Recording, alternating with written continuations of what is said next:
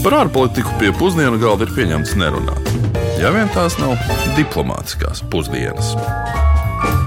Esiet sveicināti, cienījamie radio klausītāji. Ir otrdienas pusdienlaiks un laiks arī diplomātiskajām pusdienām. Un kā katru nedēļu uz tām jūs aicinu Esūģis Lībijams, Latvijas radio ziņdienestu un arī Latvijas ārpolitikas institūta pētnieks dr. Kārlis Bukovskis. Sveicināts! Sveiks! Un kā jau mēs pagājušajā nedēļā minējām, tad šonadēļ no dažādām eksotiskām valstīm dosimies uz kaut ko varbūt uh, nedaudz pazīstamāku un daudz tuvāku, proti, uz Čehiju. Man gan tā ir joprojām pietiekami eksotiska valsts. Jā, tu tieši teicies, ka neesi vēl tur bijis, bet nu, tāpēc es tev silti rekomendētu gan Prāgu, gan uh, Kārļa tiltu un uh, pašu Prāgas pili. Noteikti, noteikti aizbraukt, apskatīties, tagad Covid beigsies. Nu, Prāga ir ceļš Prāga, bet nu, Čehija kopumā, bet nu, Prāga ir ļoti bijusi iecienīta arī Holivudas darboņu vidū. Nu, ir desmitiem filmas, kas ir filmētas, un nu, ļoti daudz reizes Prāga ir izlikusies par citu pilsētu. Nu, piemēram, 2006. gada Bonda frančīzes filma, kad Daniela Krega pirmo reizi ieraudzījām Kazino Royale. Nu, Prāga tajā filmā tēloja gan Venēciju, gan Londonu un pat Miami. Nu, es vienīgais, ar ko Čehija varētu asociēt, ir sprīdītis. Nu, Manakal, manakal noteikti, ja mēs tā bērnībā kavējamies, tad pirmās atmiņas par nu, to laiku Čehoslovākiju ir, protams, no Zdeneka Millera multfilmu seriāla par kurmīti. Bija tāds kurmīti, jā. Jā, bet daudziem varbūt mazāk zināms fakts ir tas, ka tāda valsts kā Čehoslovākija tā tika izveidota Amerikas Savienotajās valstīs, Pitsburgā. Ir tāda lieta kā Pitsburgas vienošanās kas tika noslēgta pēc Pirmā pasaules kara un tika sadalīta Austro-Ungārijas impērija. Un, jā, un tāpat kā Latvija, arī Čehoslovākija ir izveidota 1918. gadā. Jā, tikai 18. oktobrī, nevis 18. novembrī. Veselu mēnesi par mums priekšā. Un tāpat arī Čehoslovākija ir pazīstama arī ar nu, nevarētu to teikt droši vien par sabrukumu, bet par sadalīšanu. Šī Jā. samta šķiršanās. Samta šķiršanās, kas sekoja samta revolūcijai, kas bija komunistiskās sistēmas sabrukums. Šis ir viens no tiem retajiem gadījumiem pasaules vēsturē, kad katra valsts aiziet uh, savu ceļu un bez konfliktiem.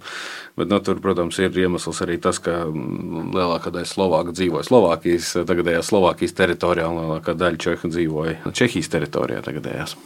Un tā nu ir sanācis, ka mūsu raidījuma vēsturē mēs jau esam stāstījuši arī par Slovākiju, kas bija otra Čehoslovākijas sadaļa, un arī par Lihtensteinu, kas vēl salīdzinoši nesen, līdz 2009. gadam, neatzina Čehiju īpašumu strīdu dēļ.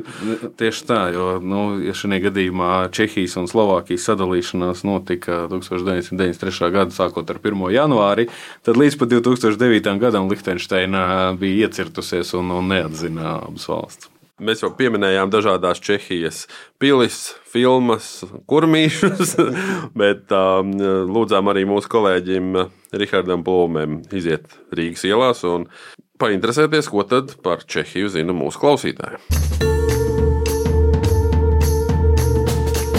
Ar ko jums asociējas valsts Čehija? Ar Prāgu, to tiltu. Kaut kāda arhitektūra. Čehija ar Prāgu. Pats esmu bijis Aulas veikali Galerijas centras izmērā, tūkstoši dažādi aliņu veikalā. Nu, tas man vairāk palicis prātā. Maksas ceļi, jā, maksas ceļi arī. Čehija ar alu, ar alu un hokeju. Čehu alus, čehu stikls, brīnišķīgs, čehu kristāls. Nu, kas vēl? Knēdeļi, kas tur vēl bija Čehijā? Kalni, slēpošana, kaut kas tāds. Kā jau minējām pirms brīža, kopš 1993. gada 1. janvāra Čehijas Republika ir pastāvīga valsts un kopš 2016. gada oficiāli arī īsajā formā saukta par Čehiju. Nu jā, valstī dzīvo vairāk nekā 10,5 miljoni iedzīvotāji, kur 65% skaitās Čehi. Tas ir interesants cipars. Un arī līdzīgi, kā mēs jau iepriekš esam par citām valstīm runājuši, un ieskaitot arī par Latviju, nu, ļoti sekulāra sabiedrība. Un, principā, lai cits nebūtu interesanti, bet tikai 10% valsts iedzīvotāji ir tā lielākā reliģiskā grupa, un tie ir katoļi. Valsts no ekonomiskā viedokļa raugoties, viņai ir 92% no Eiropas Savienības vidējā IKP uz vienu iedzīvotāju.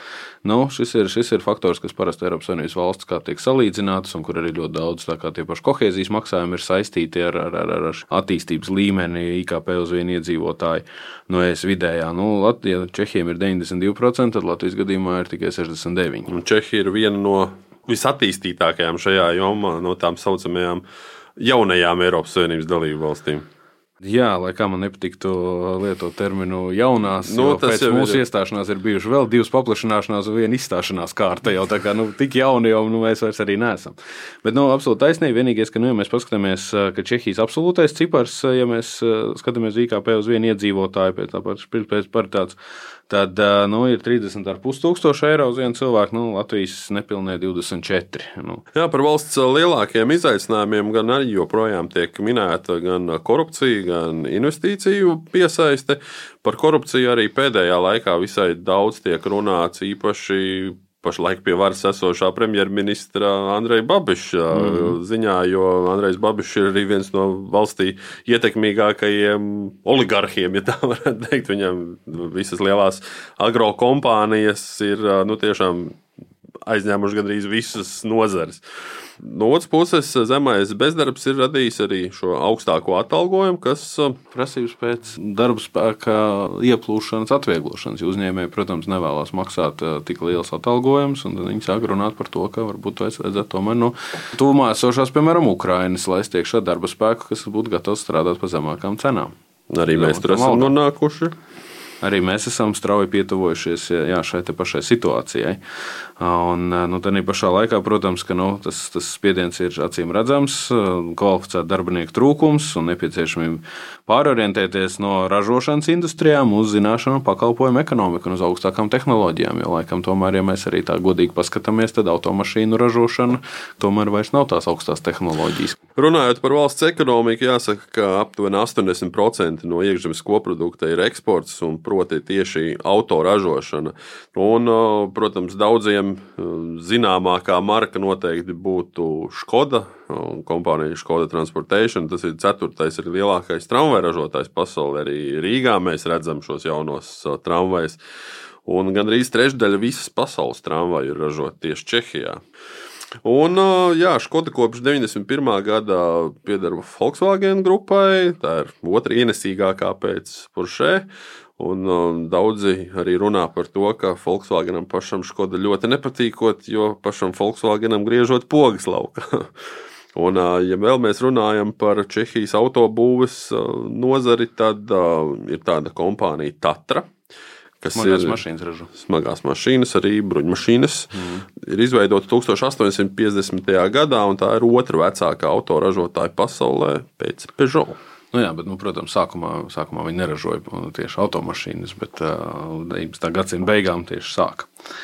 Līdzīgi kā Peugeot, kas sāka ar, ar, ar kafijas dzirneviņu. Un viens no iemesliem, arī, kāpēc mēs tieši Čehiju izvēlējāmies šim raidījumam, ir tas, ka 2. un 3. oktobrī Čehijā notiks gan pašvaldību vēlēšanas, gan arī senāta, kas ir Čehijas parlamenta augšpalāts vēlēšanas. Nu, tur ir 81 senāta loceklis, ievēl viņus uz sešiem gadiem. Un, principā, gan ir svarīgākās funkcijas, ir pieņemt gala lēmumus par starptautiskajām vienošanās, par vēlēšanu sistēmu, konstitucionāliem likumiem, nu, arī apstiprināt lielu daļu citu likuma projektu, kurus gan apakšpalāta var arī, ja tā saucamā deputāta palāta var arī noraidīt lieka institūcija. Nu, tā arī tevis pašs pieminētais premjerministrs Andrejs Babišs arī ir izteicies. Vienīgais, ka viņš vienlaicīgi grib arī mainīt Čehijas vēlēšanu sistēmu uz mažoritāro, un tad, protams, ka to atkal nevar izdarīt, kā jau es iepriekš minēju, bez senāta piekrišanas. Tā kā tādā īpatnējā pozīciju sadursmē nonāca. Un runājot par Čehijas starptautisko pozīciju, bieži vien valsts tiek minēta starp Eiropas Savienības sliktajiem zēniem līdzās Polijai, Ungārijai, Slovākijai. Un galvenokārt jau tāpēc, ka šīs valstis visas četras kopā veido šo Višegradas grupu. Un, um, nu jā, nu viņa ir bijusi iekšējā opozīcija Eiropas Savienībā pēdējos gados, nu, un ir izpelnījusies arī diezgan plašu nosodījumu no daudzām, daudzām, daudzām partneru valstīm Eiropas Savienībā. Bet nu, kopumā jau, protams, ka nu, Čehijas tāda kā alternatīvā viedokļa paudēja pozīcija jau nav nekas īsti arī jauns. Nu, ja mēs paskatāmies nedaudz atpakaļ to pašu savulaik Lisabonas līguma pieņemšanu, tad viens no klupšanas akmeņiem pilnīgi noteikti bija tā brīža prezidents Vāclavs Klauss. Jā, Vācijam Klausam arī bija ne, neliels klupiens uh, vizītē Čīlē, kur viņš uh, netīšām daudziem redzami, kā to varētu teikt, tā, aizņēmās aizņēmās uz pavisam vienu no tā dēvētajām oficiālajām līguma parakstīšanas pildspalvām. Un, uh, Suvenīri patīk. Jā, un daudz, daudz teica, ka tas izskatījies esot pēc zakšanas uh, oficiālā pozīcija, gan esot bijis, ka citās vietās šādas pildspalvas parasti ir kā suvenīri, un tā nav bijusi zakšana, bet domās, ka tā esot vienkārši pildspalvas paņemšana par suvenīru tiešām. Jā.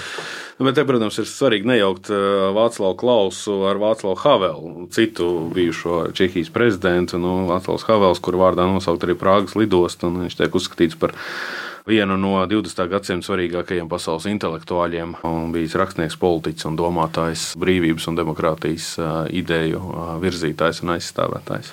Un kas bija man pārsteidzoši, ka nu, valsts ir faktiski tikpat veca kā mēs, mm. bet ir tikai trešais prezidents pašlaik. Tātad Vāclavs Klaus, Vāclavs Havels un Miloš Zemants. Bet mēs pieminējām šo Višegradas grupu, varbūt varam arī par to nedaudz pastāstīt, kas tas ir par veidojumu.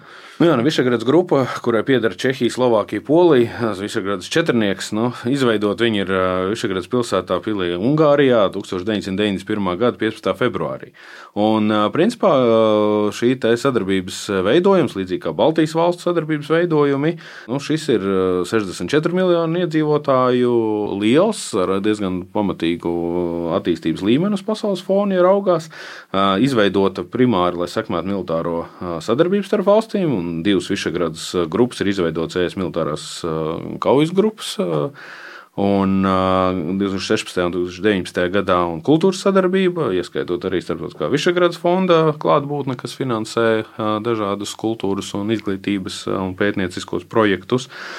Un, protams, ka te ir, te ir vienmēr ir jautājums, nu, cik viņas ir vienotas. Man liekas, ka viens no pirmajām lietām, kas noteikti ir jāatcerās, ir tas, ka Slovākija atšķirībā no pārējām trim valstīm, kas pat īsti arī neplāno, Slovākija ir Eirozonā. Viņi ir daļa no Eirozonas, viņi ir par Eiropas Savienības kodolu padziļināšanu un dziļāku sadarbību, kamēr pārējās trīs Višegradas grupas valstis pat par šo te eiro ieviešanas jautājumu ir ļoti atturīgas. Nu, bet atcerēsimies, ka arī Baltijas valstu vidū ne visos jautājumos ir vienprātība, un arī Višegradas grupas ietvaros ir tieši tāpat. Bet viedokli par to, cik vienota ir Višegradas grupa, mēs vaicājām arī Petram Hratakvilam, Prāgā atrodamā Startautisko attiecību institūta vecākiem galvenajam pētniekam un arī šī institūta agrākajam direktoram. Of course, there are huge differences Protams, Višegradas četrnieka iekšēnē ir nopietnas atšķirības. Piemēram, ja mēs skatāmies uz demokrātisko standārtu lejupslīdi, ir ievērojamas atšķirības starp Poliju un Ungāriju no vienas puses un Slovākiju un Čehiju no otras. Taču par spīti tam Višegradas grupa strādā un tā vien liekas, ka šī ir vienīgā sfēra, vienīgā platforma, kur šīs valstis var vienoti paust savas bāžas. Višegradas četrnieks darbojas tikai kā instruments, lai bloķētu bloķētu lēmumus. Tādējādi tā ir tāda kā iekšējā Eiropas Savienības opozīcija, bet ne īpaši konstruktīva. Un tas tāpēc, ka Višagradas grupa gandrīz nekad nesniedz konstruktīvus alternatīvus piedāvājumus. Tas ir drīzāk bloķēšanas vai kavēšanas mehānisms. Pēdējā laika spilgtākais piemērs ir bēgļu pārvietošanas sistēmas bloķēšana. Protams, ir arī citas sfēras, taču, kā jau es teicu, grupas iekšēnē ir domstarpības īpaši ārpolitikas jautājumos.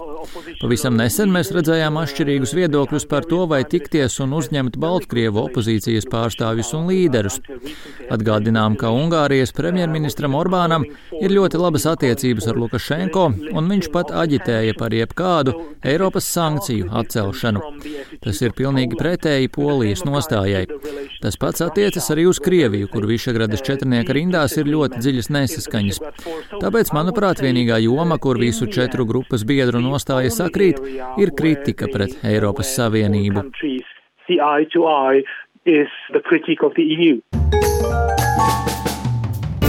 Jā, Čehija, Čehija, manuprāt, ne tikai izklausās, bet arī noteikti var apgalvot, ka ir interesanta un aizraujoša valsts, uz kuru tev tomēr vajadzētu aizbraukt. Lai cik būtu paēdis, vienmēr ir vieta arī desertam. Ņemsim vērā arī to, ka Čehijā ir lielākais piļu skaits Eiropā. Viņas ir ap diviem tūkstošiem. Un, starp citu, tā pati jau pieminētā Prāgas pilsēta ir pasaulē lielākā senā pilsēta. Viņa būvēta 9. gadsimtā. Šobrīd arī ir prezidenta pilsēta. Un uh, trešais pasaulē vecākais astronomiskais pulkstenis, ir vienīgais, kurš vēl vispār darbojās, atrodas Prāgas vecpilsētā. Arī ļoti skaisti izskatās, kā viņi 1410. gadā uzstādīja. Tā vēl joprojām ar visu mehānismu un teātrālo izrādi viņš darbojās. Jā, bet uh, desertā mēs gribētu parunāt par uh, čehu dzīvesveida neatņemamu sastāvdaļu par viņu šķidro maizi, alu. par alu. Mm -hmm. un, jā, Čehijā ar savām alus brūvēšanas un alus dzeršanas tradīcijām noteikti ir ierakstām pasaules vēstures pirmajās rindās. Jo Čehijā joprojām ir lielākais alus patēriņš pasaulē uz vienu cilvēku. Un, Pirms dažiem gadiem tie ir aptuveni 190 litri uz vienu cilvēku, ieskaitot arī visus zīdaiņus. Ir interesanti, bet Latvija laikam bija tikai 13. vietā. Ne? Ar cik nu, nepilnīgi 80 litru mums nu, bija ziniecība. Vairāk nekā divas reizes mazāk. Jā, par čehu alu šīs tradīcijas ir ļoti, ļoti senas, un pirmie dati par alus brūvēšanu Čehijā ir kopš 993. gada. Nevis 1000, bet vienkārši 993. gada. Tātad vairāk nekā 1000 gadu senas alus dzeršanas un brūvēšanas tradīcijas. Un, uh, Un uh, alus uh, tiek dzerts jebkurā dienas laikā. Pilnīgi normāli tas esot arī brokastīs. Uh, ļoti daudz čehi izvēloties uh, alu jebkura nealkoholiska dzēriena vietā, un arī alus pudelēs ir lētāks uh, nekā ūdens pudelēs. Es lasīju arī par to, ka, nu, protams, Čehija ir uh, slavenā pilsēnas alus dzimtene, mm -hmm. un arī amerikāņu populārākā alus Budweiser īstā dzimtene. Nu, ja tu saki, ka Čehija arī brokastīs dzer, tad es domāju, ka mums arī šis desertā esošais raidījums nav problēma arī, arī par alu parunāt diplomātiskajās pusdienās. Jā, paldies, liels, ka klausījāties mūsu raidījumu. Noteikti iesakiet saviem draugiem, radiem kolēģiem un uz sadzirdēšanos nākamajos raidījumos. Vēl tikai atgādināšu, ka mūsu raidījumu varat klausīties arī savās iecienītākajās podkāstu vietnēs. Visu labu! Izdodas! Diplomātiskās pusdienas katru otrdienu pusdienos Latvijas Radio 1.